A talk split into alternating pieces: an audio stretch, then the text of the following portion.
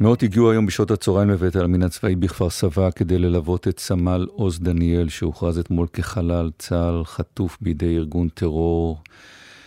המאות הגיעו כדי ללוות את עוז דניאל בדרכו האחרונה. כתבתנו טלור מאירסון הייתה שם. ארבעה וחצי חודשים של התמודדות בידיעה שאתה חטוף במאבק אינסופי כדי לייצר אמונה ותקווה לסוף טוב. אתמול בשמונה בבוקר מקבלים ידיעה שהנחה בין החיים כבר מהשביעי באוקטובר. כבר ארבעה חודשים וחצי שמשפחתו של סמל עוז דניאל, זיכרונו לברכה, נאבקת על שחרורו עם יתר משפחות החטופים. אתמול בבוקר הגיעה הבשורה המרה.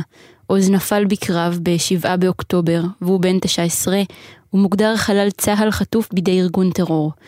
ממצאים שאותרו אפשרו להביא אותו לקבורה על פי ההלכה, והיום מאות הגיעו לבית העלמין הצבאי בכפר סבא ללוותו בדרכו האחרונה. אמו של עוז, מירב, תיארה בן שעשה הכל בכישרון יוצא דופן, אבל גם בשקט ובצנעה.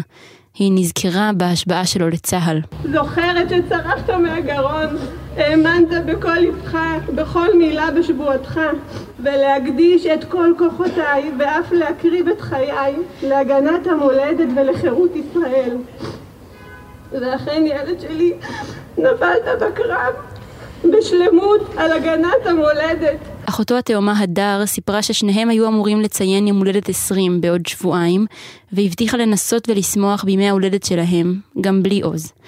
לא הפסקתי לדמיין את היום בו עוז יחזור הביתה, אמרה.